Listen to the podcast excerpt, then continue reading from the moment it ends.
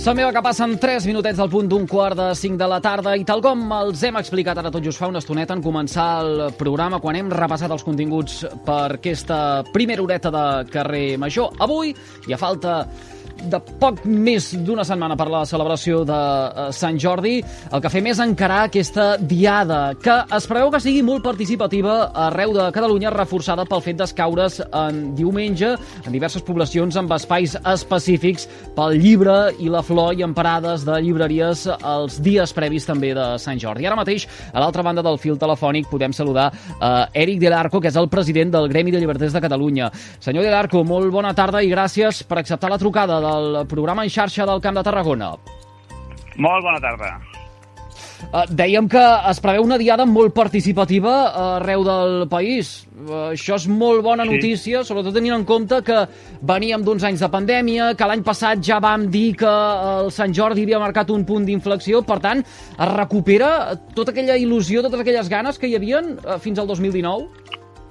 Sí, nosaltres hem vist en aquest període que va des del 2019 al pas per la pandèmia, que Sant Jordi ha marcant les etapes de tornada a la normalitat. Recordem que no es va poder fer el Sant Jordi de, de pandèmia del 2020, eh, però vam intentar-ho ja fer aquell estiu, que vam tenir una petita escletxa i ja vam fer un Sant Jordi d'estiu.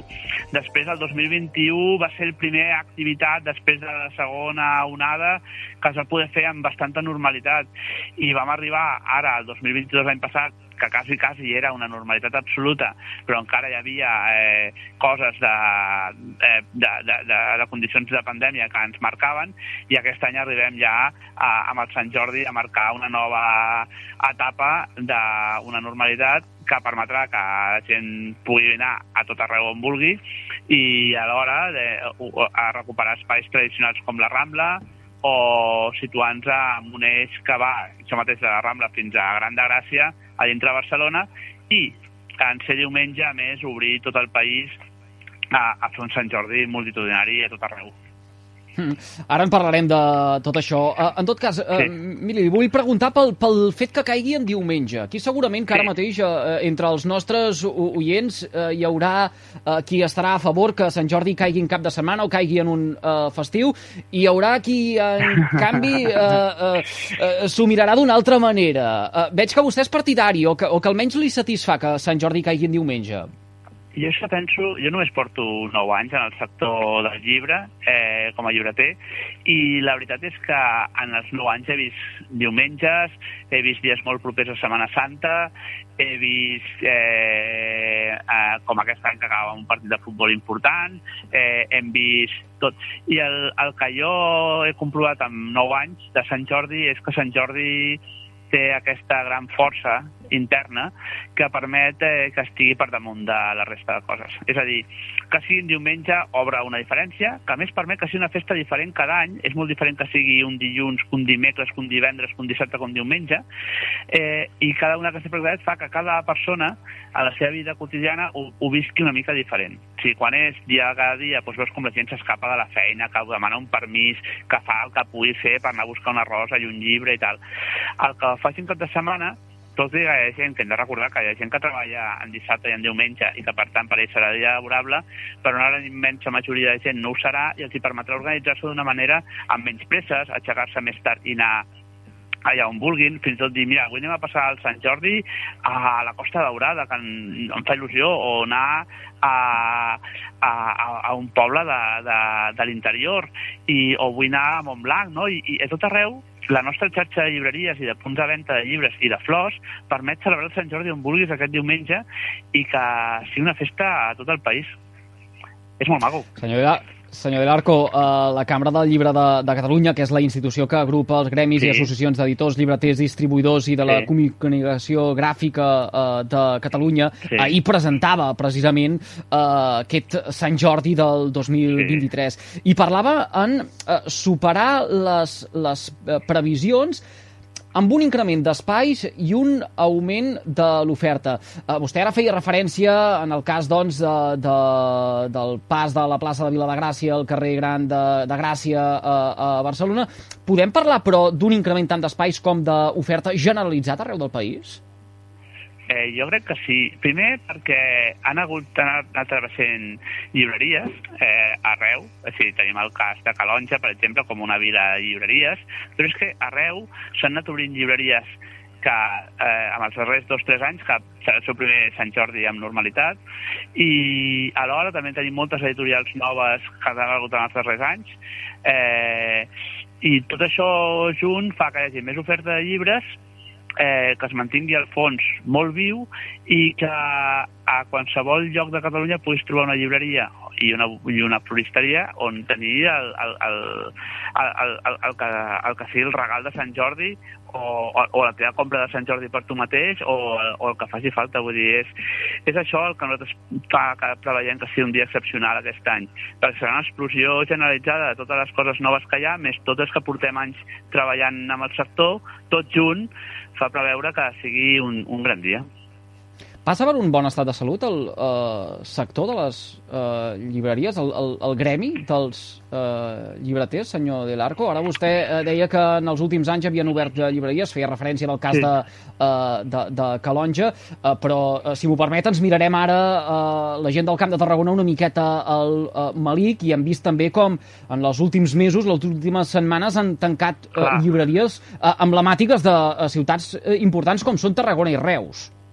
Sí, és veritat. És veritat que hi ha cicles que eh, fan que a un moment determinat, eh, el, el cas de Tarragona, que el tinc més clar, és un procés de, de jubilació normal que, que passa i que són negocis que costa molt de fer el traspàs quan ets tan emblemàtic i, i això genera un, un espai buit, desapareix una, una, un, un comerç estimat per molta gent i que, fa, que ens ha acompanyat a la vida a tots i que llavors és, és, deixa un, com un forat buit, però que això, com s'ha demostrat a, després amb el pas del temps, permet que aparegui en empenta i ho torni a omplir. A Tarragona mateix, si ha tancat la Capona, s'han obert un parell de projectes nous, potser les mides són diferents, han d'acabar de créixer, però fa molta il·lusió i sí que en el cas de Reus jo personalment aquí sí que no puc dir quina és la, la continuació que hi haurà amb això, no? perquè no, ho desconec, no, no, no arribo tot. Però eh, en llocs on no hi havia llibreries s'han anat obrint, a, a Tortosa mateix ara fa un parell d'anys que va obrir Real, eh, hi, ha, hi, ha, hi, ha, hi, ha, hi ha opcions de que això a Tarragona, que segurament passarà, hi haurà espai per noves llibreries o perquè les que ha creixin i ocupin l'espai que hi havia. El sector és aquests sectors d'una eh, una mala salut de ferro, que en diem a vegades quan ens intentem descriure, perquè eh, s'ha demostrat que és molt resistent i a part que és un, un espai, les llibreries de cultura, que acaben sent molt estimades per la gent que les envolta se la fan molt seves, i quan una llibreria tanca fa molta pena, com el que deies tu a Tarragona i Reus, eh, i tots quedem entristits, com quan aquí a Barcelona va haver de tancar la, la Catalunya fa molts anys, va ser un buit molt gran, i, i unes tanquen i altres obren, i el sector es demostra a si mateix que tant a nivell editorial com a nivell llibreter eh, li costa, però sempre aguanta, perquè té un producte que és molt bo i imbatible, que és el llibre. Ah, amb tot, eh, senyor D'Arco, per, on, per on passa el futur eh, de les llibreries eh, en un moment en què, per exemple, eh, es venen molts llibres també en línia, en un moment on, per exemple, hi ha grans plataformes com Amazon eh, que eh, permeten eh, no només poder adquirir, sinó també la possibilitat de eh, poder eh, publicar. Com es reinventa el sector de les llibreries davant de eh, tal pressió que pugui rebre a través de la xarxa? Doncs eh, ho, ho, es demostra que, que resisteix a, per, per un esforç que fem tots de, de tenir sempre les novetats eh, que van sortint al sector editorial, que són moltes, unit a un fons molt ben triat per cada llibreter i molt afí. Això que és una feinada, que ens dona molta feina, que és una feina molt, molt, molt d'aquelles de, de, de, de maledicció grega, que estàs cada dia carregant llibres, obrint caixes, tancant caixes, vinga, arribant llibres, ara tornar llibres, és, és una feina eterna i contínua i repetitiva en aquest sentit i que és molt decisiv. Eh, al final el que fa és que quan la gent entra a una llibreria comença a veure llibres i els veu d'una manera disposats, d'una manera sobre les taules, sobre les lleixes, a les parets, que això cap plataforma eh, ara mateix ha aconseguit igualar la sensació que et dona això. És com dir que vostè podria viatjar eh, per tot el món mirant fotos o amb el Google Maps, però tots sabem que no és el mateix eh, veure el Pedraforca amb una foto o amb una imatge de Google Maps que anar al Pedraforca o veure el Montsant i el Monte Caro eh, de, de, des de la distància quan està nevat que veure una imatge. Eh, pues això mateix passa quan entres a una llibreria. Quan te n'adones de la realitat física de, del que és i ho comproves i ho toques i observes, i ara aquest no sé què, i ara passes al cap del costat, i la unió que fa el llibreter personalment no és el mateix que un algoritme d'Amazon quan t'ensenya els llibres, i diu, vull un, posa allà, vull el llibre aquest, i llavors t'acaba ensenyant tots els mateixos llibres, i tu necessites veure coses molt diferents. Tot això, de moment, mentre continuem podent fer-ho i amb, amb una intel·ligència humana que ara mateix amb tota aquesta cosa que hi ha ara, eh, intel·ligència artificial i el xat GPB i tal, però eh, el que continuem fent els llibreters amb tota la nostra feina, de moment ens permet que sigui un espai prou únic com perquè la gent tingui moltes ganes d'entrar a una llibreria i gaudir relaxadament. Mm. Amb, la, amb la seva uh, trajectòria, d'una banda, el capdavant, com dèiem, eh, del Gremi de Llibreters de Catalunya, i, i d'altra sí. també uh, uh, com a uh, llibreter de la llibreria Documenta, encara que vostè digui sí. que és aprenent els seus perfils de xarxes socials. Vostè és sí. llibreter. Uh, que, creu que els catalans, de la mateixa manera que uh, tenim un metge de capçalera o una farmàcia de referència a qui demanar consell, per exemple, quan uh, patim un refredat, disposem també del uh, nostre llibreter predilecte? Jo penso que hi ha gent que el té i hi ha gent que no. És a dir, això és com el que li agrada tenir un metge de capçalera i consultar-li tot, o un psicòleg, o un, o, o un amic en qui parlar-ho tot, i altra gent que pot anar a un lloc o un altre i, i confiar en, en diversos llibreters o tenir una ruta per cada cosa que, per exemple, hi ha gent que diu jo quan vull comprar còmics me'n vaig a Antifaz Còmics, no? I quan vull comprar eh, llibres, vinc a la Documenta o me'n vaig a la Impossible o, o a la Casa Nita quan vull comprar llibres infantils o a l'Ots. Eh, una mica eh, pots tenir aquesta diversitat, la ciutat t'ho permet, o quan estàs a, a, a, a baix, no? que pots tenir dues llibreries eh, o tres allà a, a la mateixa vila i per algunes coses pots anar a una altra o només anar a una perquè tu, com que les llibreries tenim una gran avantatge és que cas gas i podem tenir tots els llibres que tu vulguis demanant-los en tres o quatre dies els tenim tots eh? perquè el servei de distribució també funciona bastant bé ara ha hagut un impàs de problemes abans de Nadal que està solucionat a quasi el 95% eh, eh, et dona l'avantatge, tu vas a la teva llibreria i dius, vull aquest llibre, no el tinc. Ah, doncs me'l demanes. I en 4 o 5 dies t'avisen que ha arribat o et diuen, mira, pues, resulta que s'ha esgotat i no el podem tenir, però sabem que el té aquesta altra llibreria, demana-ho allà, i això genera molta confiança en la xarxa de llibreries. Estem molt contents de, de, que, de que tot i ser competència, totes les llibreries, en realitat som una gran xarxa al servei de, del lector llibreries, eh, i, i ara ho hem de dir, eh, senyor de l'Arco, allò que recordem sempre eh, quan s'acosten aquestes dates, eh, que els eh, llibres eh, s'han de comprar, però no únicament s'han de comprar pels vols de Sant Jordi, i que a més a més aquests llibres s'han de llegir. Això també és eh, molt important. sí. Bueno, eh, jo també dic una cosa que és molt important de, de, de recordar, i és que el, el llibre, la lectura no ha de ser mai una obligació eh, a vegades passa no? que sembla com si nosaltres estem obsessionats com a societat amb la idea de, de la idea romàntica de que el llibre eh, ens fa més intel·ligents i, i millors. Hi ha una part de veritat amb això, però mai ha de ser obligatori. És a dir, si a algú no li agrada llegir, jo penso que també pot dir-ho, igual que jo, a mi si em diuen vostè, eh, vagi al gimnàs i sentirà millor, jo dic, jo ho sento molt, però jo personalment no, no, no m'hi trobo en aquesta situació, jo vaig al gimnàs i m'avorreixo molt, però entenc que una persona pugui anar al gimnàs i em recomani al gimnàs perquè li agrada, igual que jo puc recomanar eh, que llegir ah, m'omple, però no mai ha de ser una obligació. Tothom i per això les escoles fan una feina molt important, ensenyar a llegir i sobretot treballar la comprensió lectora, eh, que és una, una cosa que, que tots hem de tenir, no? I que per, per, per saber després quan firmis una hipoteca de poder per llegir o simplement agafar un contracte, saber que estàs firmant, és important tenir una comprensió lectora alta. Llegir pues bé, a vegades ve gent aquí i em diu vull comprar un llibre per a algú que no li agrada llegir i dic, pues no li compri un llibre, no sé, compri una altra cosa, perquè és, no torturarem una persona. A mi vens a casa i diu, mira, t'he regalat una màquina de, de remar. I jo diré, és que no en tinc, no, no la faré servir, no me la regali, sisplau, no em torturi a mi. Doncs pues igual, no? El llibre, ah, hi ha molta gent que ens agrada molt, que ens ho passem, ens omple la vida llegint, eh, som molts, però si algú pot dir obertament a mi no m'agrada, com que no li agrada el futbol, vull dir, oi que la gent pot dir a mi jugarà, no sé, al Barça-Madrid, i hi ha gent que diu, jo prefereixo anar a veure un concert de música, doncs perfecte, hem d'acceptar-ho, no, no hem de ser tot temps d'un nivell d'això que ens faci repel·lents perquè no ho hem de ser. Però, però, bueno, però si, si t'agrada llegir, doncs si compres un llibre tens el dret a que t'agradi, a poder-lo llegir i fins i tot a dir, a mi no m'agrada gens i, i pots dir-ho també.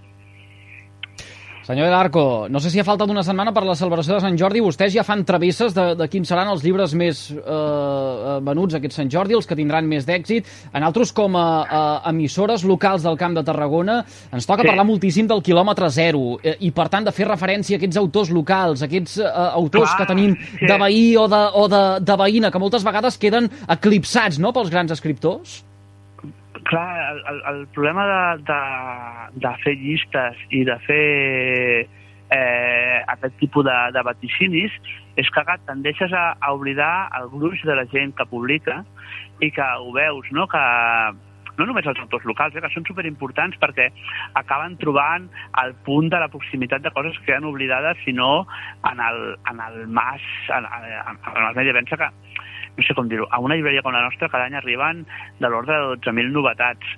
Mm, és massa. I, I el fet de que hi hagi autors locals que puguin treballar en el seu àmbit de proximitat fa que si allà eh, se'ls llegeixen i es valora que són bons, després poden fer el salt a ser més coneguts i arribar a, a més parts del territori. Eh, jo penso que és un moment que a, a les llibreries locals eh, poden potenciar a, a aquests autors i, i, i, i, a més, són autors que en el seu àmbit són prou coneguts. Vull dir que sí que a, a, a, ciutat, com jo sóc aquí a, Barcelona, a vegades tot això, eh, la, la gran enormitat de, de producció fa que no arribem a conèixer-los i, i siguem un, una mica eh, inconscients de, del que veritablement hi ha arreu del territori com, com a autors potencials. És, és veritat el que dius, eh? sí, sí. Heu de, mm. heu de fer molta força perquè ens arribi també a nosaltres.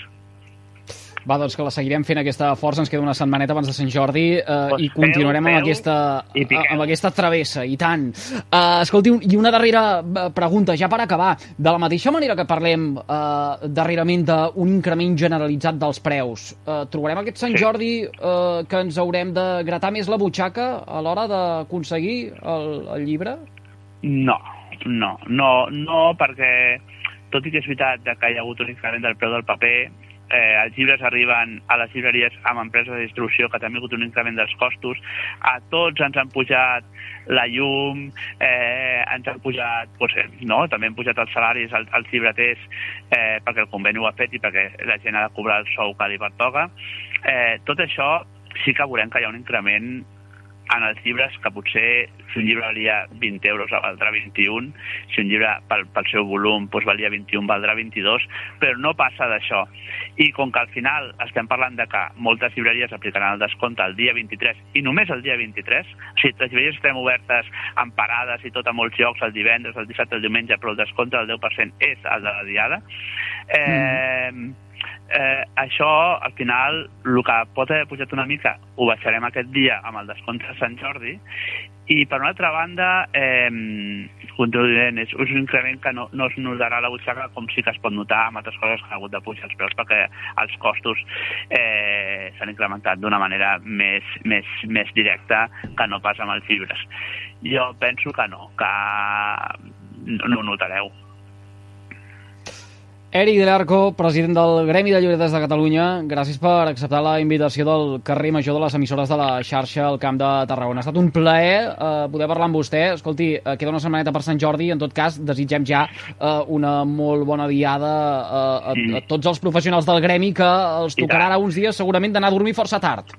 Jo suposo que al llarg d'aquesta setmana, vosaltres no sé cada quin dia feu programa, però heu d'anar parlant també amb tots els llibreters del territori, teniu una gent fantàstica treballant allà i hi ha llibreries a tot arreu del Camp de Tarragona que us donaran respostes molt més concretes a temes dels llibres que es vendran més per allà, els autors locals. Parleu amb ells perquè són gent de la qual jo he après molt. Ho farem. Moltíssimes gràcies. Que vagi molt bé. Bona tarda. A reveure. Adéu. Són dos quarts i mig de cinc de la tarda. Acabem de parlar amb el president del Gremi de Llibreters de Catalunya. Però ara arriba el moment